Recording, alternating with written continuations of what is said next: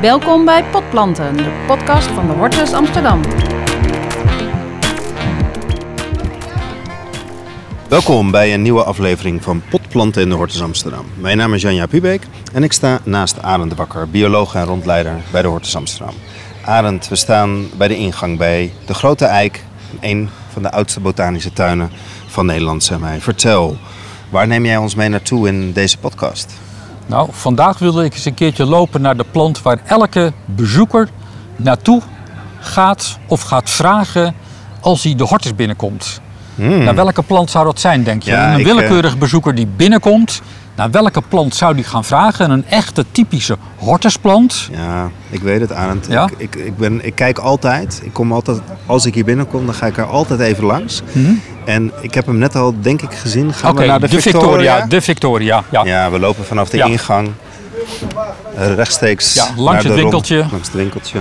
En de gevel in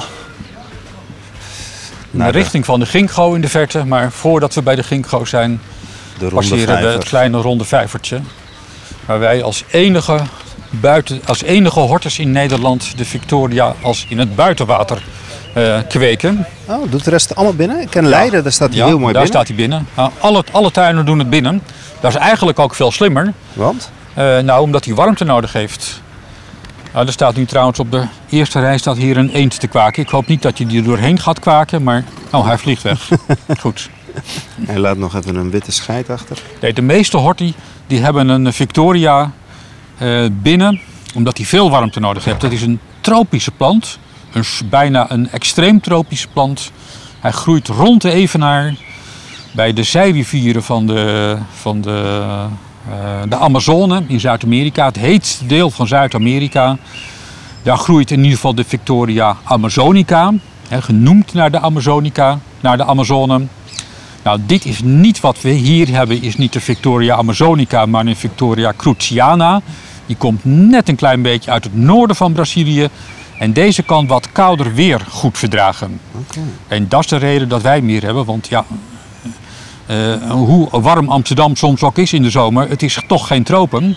Nee. En nou, het, het bijzondere van onze kweek, in ieder geval dat wij eh, hem eigenlijk elk jaar echt als een eenjarige kweken. Dus in januari begint hij als een klein zaadje. En dan hebben we een paar zaadjes in de, onze kweekkas. En dan gaan we kijken welk zaadje het het beste doet. Heet dat die zaadjes aan? Komen Huh? die ook echt, eh, worden die gehaald uit het Amazonegebied? Nee, die- meestal krijgen we die van andere botanische tuinen. Oké. Hè, want wij halen hier zelf eh, geen, eh, geen zaad van onze bomen, van onze Victoria's. En, en, maar wij werken natuurlijk wel samen met, met andere tuinen in Meissen, maar ook de tuinen, dat is België. Maar ook andere tuinen in Nederland eh, of buitenland. En wij krijgen altijd wel, eh, of soms uit Bonn bijvoorbeeld. Dat is de bel dat de hortus zo meteen dicht gaat. Ja, Mooi geluid. dat is dus geen, niet de ijskoopman, lieve Nee. luisteraars, maar dit is de bel van de hortus. De bezoekers mogen... De bezoekers moeten eruut. Ja. Hey, maar we Ehm, staan bij de, bij de ronde vijf. Ja, we staan bij de ronde 5. In, in het midden? daar staat nou een klein plantje met een paar vier blaadjes. Vooralsnog zit er ook nog een ijzeren kootje overheen. Om te beschermen. Maar die bladeren die gaan groeien. Ze zijn overigens, nu zijn ze twee weken in de buitenvijver. Eh, we staan nou eh, begin juni. Eigenlijk aan het begin van het groeiseizoen van de Victoria. Eh, in deze vijver zit, toen hij daar neergezet is, is er ook meteen heel veel voedsel erin gedaan. Dat er veel voedsel in het water zit, dat kun je ook wel zien aan de algen die er meteen omheen zitten. Wat voor voedsel, eh, waar denk ik aan, Arend? Nou, het is een soort voedsel wat nou bij, ik weet even de naam niet, dat komt bij Artis vandaan. Het is gemas, gedaan op basis van olifantenpoep. Eh, en het heeft een of andere naam, dat weet ik niet meer precies. Dus om deze Vroeger plant te deden laten groeien? Ja, om die plant te laten groeien. Hè? Want in de Amazone, of de zijrivieren van de Amazone waar hij thuis is, daar zit hij dus in tropisch water. Voedselrijke zijarmen waar heel veel modder op de bodem zit. Eh, ja, dat moet je natuurlijk wel nabootsen als je die plant gaat kweken. En halen jullie aan de overkant halen jullie eh, olifantenpoep? Vroeger deden we dat echt met olifantenpoep, een emmer olifantenmest en daar zetten we hem dan in. En tegenwoordig is het een soort afgeleide van olifantenpoep. Maar ja, als je dicht bij artsen zit is dat allemaal makkelijk eh, te verkrijgen. Ja. Nou, deze plant die gaat groeien. Die blaadjes die nou eh, een decimeter of eh, twee breed zijn. Daar komt elke drie dagen komt daar een nieuw blad bij. En elk blad is groter dan alle vorige blaadjes. Nou, als het maar warm genoeg is. Het water is trouwens verwarmd, dus het water is al warm. Maar hij heeft ook heel veel zon nodig. De energie ontleent hij aan de zon.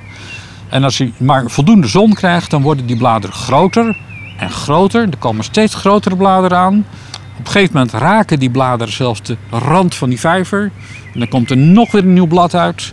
En die bladeren worden steeds maar groot. Die drukken al die andere bladen op een gegeven moment over de rand van de vijver heen. Dan komt er een moment dat ze echt ruim over de rand eh, schuiven. En dan worden de buitenste bladeren zelf er alweer een beetje afgehaald. Waaruit je kunt zien dat deze vijver, alhoewel het toch een behoorlijke vijver is, eigenlijk te klein is voor die plant. En dan, maar dat is over anderhalve maand of zo, ergens in juli, dan gaan de eerste bloemknoppen komen erin. En dan gaat hij om en om een bloemknop en een bladknop maken. En dan, op een gegeven moment, gaan die bloemen, die worden natuurlijk ook groter. En die bloemknoppen die worden echt vuistdik. En dan op een avond zien we dat een van die vuistjes uit het water zich gaat tillen. En dat hij zich richt in de richting van de ondergaande zon. We zien hier tussen de kastjes zien we de zon daar laag staan boven de tuin. Ja. Hij schijnt net niet meer op het water. Maar dan richt die ene bloem richt zich op de zon. En terwijl de zon ondergaat, gaat die bloem zich openen. Ja. Hij gaat dus scheef open in de richting van de ondergaande zon. En de blaadjes gaan het eerst open precies waar de zon ondergaat. Dat is een heel mooi gezicht. Hij is dan wit en die bloem ruikt naar ananas. Op zulke avonden, en ik hoop dat er dit jaar ook weer een eh, open avond zal zijn, dan vragen we de bezoekers ook te komen, hè, want dat is bij het vallen van de avond. We doen dat meestal niet bij de eerste bloem, maar bij een van de volgende bloemen. En dan kunnen de, bij het vallen van de avond, dan zetten we hier wat lantaarns omheen, maar zo dat het wel schemerig is. Hè, dat een mooie zomeravond en dan staan de mensen hier in rijen voor de poort nog een kaartje te kopen om de bloeiende Victoria te gaan zien. ja bijzonder Nou, dat is een van de bijna klassieke hoogtepunten van elke botanische tuin. Ook bij ons. En dan vertellen wij het verhaal van die plant. En dan wordt iedereen een klein beetje gegrepen door dat mysterieuze sfeer van wat wel een van de allermooiste bloemen ter wereld zou kunnen zijn. Hey, dit, eh, ik, ik heb er wel eens bij gestaan met die Mhm. heerlijke ananasgeur. Nou heb ik ook van jou geleerd dat elke plant niet voor niks zomaar eh, eigenschappen heeft. Ja. Waarom ruikt die eh, zo ontzettend zoet en lekker? Nou, over de- de, waarom-vraag bij al die eigenschappen, dan kun je eigenlijk als bioloog, ja, dat is een beetje of je dat nou echt kunt beantwoorden of niet. Dat weten we niet. Wat we wel weten is dat in dit geval, zowel op de witte kleur van de bloemen als op die ananasgeur, daar komen uit het omringende oerwoud komen kevers op de bloem af. En je kunt dus zeggen, ja, die witte kleur en die ananasgeur, die zijn er om kevers aan te trekken of die bloem die eigenschappen nou echt ontwikkeld heeft daarom, of dat die kevers op een gegeven moment die bloem wisten te vinden voor deze karaktertrekken. Eh, Dat zijn allemaal, ja, eh, het klinkt een beetje wetenschappelijk, maar dat zijn typische vragen voor de biologische wetenschap waar nog lang geen antwoord op is. Maar het is altijd een beetje intrigerend. Hoe dan ook, uit het omringende oerwoud komen dus die kevers, die gaan naar die bloem eh, die kevers, overigens, ik zeg vanuit het omringende oerwoud. Soms komen ze vanuit een andere Victoria-bloem waar ze net uit ontsnapt zijn. Mm. Ontsnapt zijn? Ja, daar kom ik zo meteen nog. Ga ik op verder in. Oké. Eh, maar nu komen ze aan op deze bloem met stuifmeel van misschien wel een vorige bloem aan hun poten. En ze bestuiven deze bloem. En dat gebeurt allemaal tijdens de eerste bloeinacht. De eerste avond. Daarna gaat hij dicht en die kevers zitten nog steeds in die bloem. Maar de bloem is dicht. En dan breekt de, nacht, de dag aan en dat wordt echt een tropische dag. Dus het wordt razend heet. Niet alleen maar rond die bloem, maar ook in de bloem natuurlijk. hè. Die kevers die proberen een uitgang te vinden, die vinden ze niet. Maar ze blijven zoeken en zoeken en zoeken. Terwijl die bloem gesloten is, wordt het eigen stuifmeel van de bloem wordt rijp. En raken die kevers bestoven met stuifmeel van deze bloem waar ze nou wanhopig naar de uitgang zoeken. Nou, gelukkig voor die kevers aan het eind van die nacht, van, aan het eind van de dag bedoel ik, bleek weer de tweede bloeinacht bleek aan. Dan gaat de bloem weer open Bij zonsondergang neem ik aan. bij zonsondergang. En dan is die witte kleur is verdwenen. Hij is dan een beetje roze. De ananasgeur is weg. En de kevers verliezen hun belangstelling voor deze bloem. En ze vliegen weg.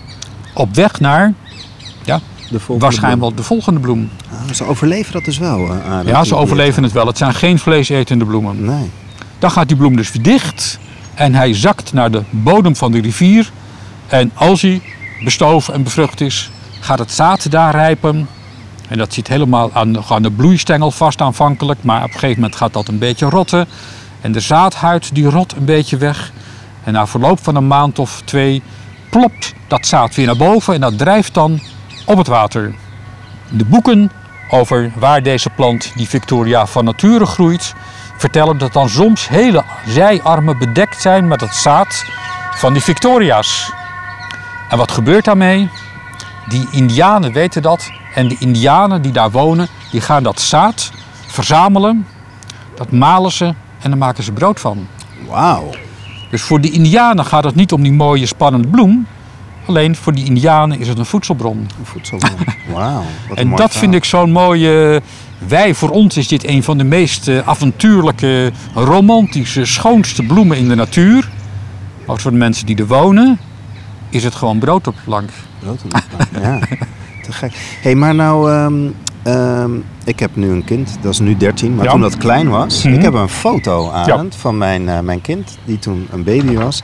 En die lag op één van die bladeren. Ja. Want die bladeren, die, die, dat was het verhaal, die zijn zo ontzettend sterk, daar kan je een kind op leggen. Ik heb het gedaan en het eh, bleef liggen. En het bleef liggen. Ja. Eh, ja, hè, dat is ook een van de typische hortustraditie. Niet alleen maar eh, dat de mensen komen voor die bloeiwijze, maar ook dat jonge kindjes, hè, die bladeren, dat zijn dus hele grote drijvende bladeren met soms wel een middellijn van een meter of anderhalve meter. Eh, die drijven op het water omdat er een soort luchtkanalen onder zitten. Daar drijven ze op en daardoor hebben ze een groot drijfvermogen. Oh, het is niet dat het blad heel sterk is. Ze hebben een Eh, groot drijfvermogen. het- is het drijfvermogen, hè, want daardoor zakt. Als je een babytje erop legt, daar je kunt het natuurlijk gaan proberen. Meestal overigens worden die babytjes wel op een matje gelegd, wat het gewicht van het kindje helemaal verdeelt over het hele blad. En dan kan zo'n groot volwassen blad makkelijk 5, 6, 7 kilo dragen. Ja. En bijna elke hortus laat dan wel eh, als soort promotiestunt, maar ook eh, gewoon geinig voor de ouders. Nou, voor de kinderen maakt het niet uit, die gaan vaak weer huilen. Maar er komt hier een grote tuinman in een grote, eh, zo'n regenpak met van die eh, waterdichte benen. Gaat hij de vijver in en dan tilt hij zo'n kindje op dat blad. En dan wordt een foto gemaakt. ja. Ah, oké. dus dat- Overigens zie je soms ook wel eens foto's, niet met kindjes, maar met grote volwassen mannen staand op dat blad. En dat zijn vaak ook foto's uit de twintige jaren. En dat zijn echt, ja, dat is een soort trucage-truc waar eh, Hans Klok eh, bij verbleekt. En hoe kan dat dan? Dan hebben ze stiekem planken onder die bladeren doorgeschoven. Ja. En eigenlijk staan die kerels dan niet op die bladeren, maar op de planken die dan net buiten beeld blijven. En ja, en dan lijkt het net of je daar als volwassene ook op zou kunnen gaan staan. Maar Ja. dat zou ik niet gaan proberen hier in de Hortus. Want dan ga je gegarandeerd, alhoewel de vijver niet diep is, maar nat word je er wel van. Dat wil je wel van. Hey, maar heeft het ook nou nog een functie in de natuur? Dat het zulke grote bladeren zijn met, met eh, krachtig drijfvermogen? Nou, die bladeren zijn eigenlijk natuurlijk zonnecollectoren. Eigenlijk, dat geldt eigenlijk voor alle bladeren. Alleen deze, die gaan voor die, die productie van die hele grote bloemen, heb je dus wel heel veel energie nodig. Nou, omdat het eenjarige planten zijn, moeten ze die energie dus verzamelen in hetzelfde groeiseizoen als waarin die bloeit. Dus het zonlicht, eh, dat, dat maakt eh, energie vrij in die bladeren. En dat wordt dan opgeslagen in de knollen, in de, de wortelstelsel van die plant. Maar daarvoor hebben die bladeren dus wel veel oppervlakte nodig. Eh, je ziet trouwens ook niet helemaal toevallig dat hij ook een opstaande rand heeft. Die opstaande rand wordt zeker bij die Cruciana, die Victoria Cruciana, wordt nog behoorlijk groot. Dat kan wel 4, 5 centimeter hoog worden. En daarmee schuift hij, als die bladeren gaan groeien, schuift hij alles opzij. Eh, Er zijn natuurlijk ook andere waterplanten. Eh, Dat kunnen ook Victoria's zijn, maar dat kunnen ook andere planten zijn. En die worden door die groeiende bladeren eh, zonder aanzien persoon op de, aan de kant geschoven. Eh, en zij nemen altijd de middenpositie in. Zij vangen dus daarmee heel veel zonlicht. En dat hebben ze ook nodig. Ja, slim systeem, joh. Zit En die bladeren die zijn, eh, die zijn heel eh, mooi. Trouwens, hier aan tegen het vijver aan, hier aan de overkant, hier zie je een bronzen beeld. En daar kun je zo'n volwassen blad zien. En dan kun je ook heel mooi de onderkant van dat blad zien. Aha. Hè, dit is weliswaar koper. Maar we kijken dus naar de onderkant van het De blad. onderkant van tegenover blad. de hier zie je die hele grote stengel. Dit is, Ja. dit is allemaal ware grootte. Hè, hieraan zie je dat, hoe groot zo'n stengel van één, van één blad is. De stengels van die bloemen zijn ook eh, zo dik. En hier zie je grote raderen, of aderen bedoel ik, uit elkaar, uit de, de, het centrum lopen. Die eh, splitsen allemaal in zijnerven en zijnerven. En daar zitten weer dwarsnerven tussen. En er zitten allemaal vierkantjes tussen die nerven. En als dit blad op het water drijft, dan blijft in die vierkantjes blijft allemaal lucht zitten. En op die lucht, daar drijft het blad op.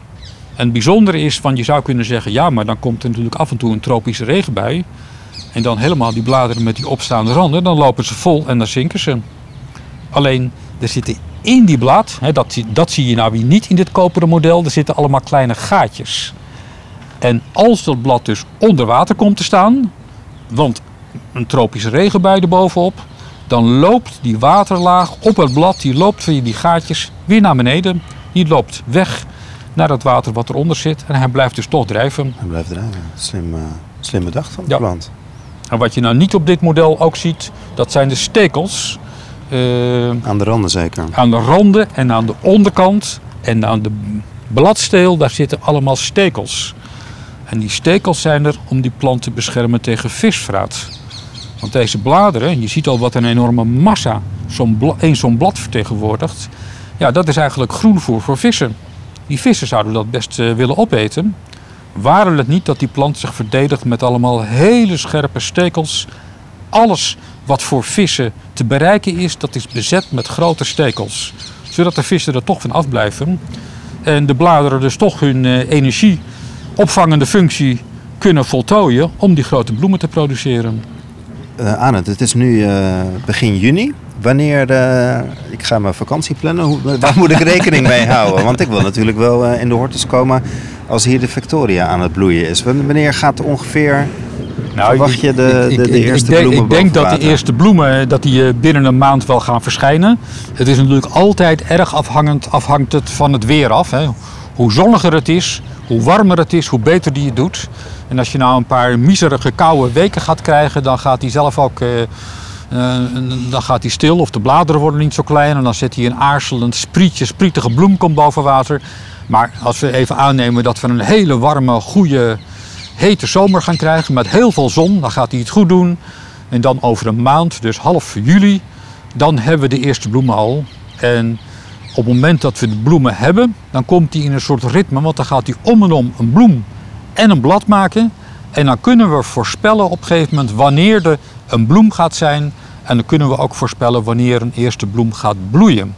Nou, als dat zo is, dan gaan we hier in de hortus de hele, de hele huishouding even en alle afspraken van het personeel even omgooien, hoop ik. En dan gaan we een avond op, oh, dan gaan we s'avonds open. En dat wordt gepubliceerd in het Parool. En dan komen de mensen in de rij. En dan hebben we een sprookjesachtige, mooie avond om de bloei van de Victoria te gaan zien. Nou, fantastisch. Dankjewel voor dit verhaal. Dit was een gesprek met Arend Wakker in de Hortus Amsterdam. Deze podcast is eentje van een serie te beluisteren via iTunes en Spotify. Wilt u nou de Victoria zelf komen zien? Kom dan naar de Hortus in Amsterdam. Voor meer informatie over openingstijden en andere informatie zoals wanneer de bloem zal gaan bloeien, kunt u kijken op www.dehortus.nl.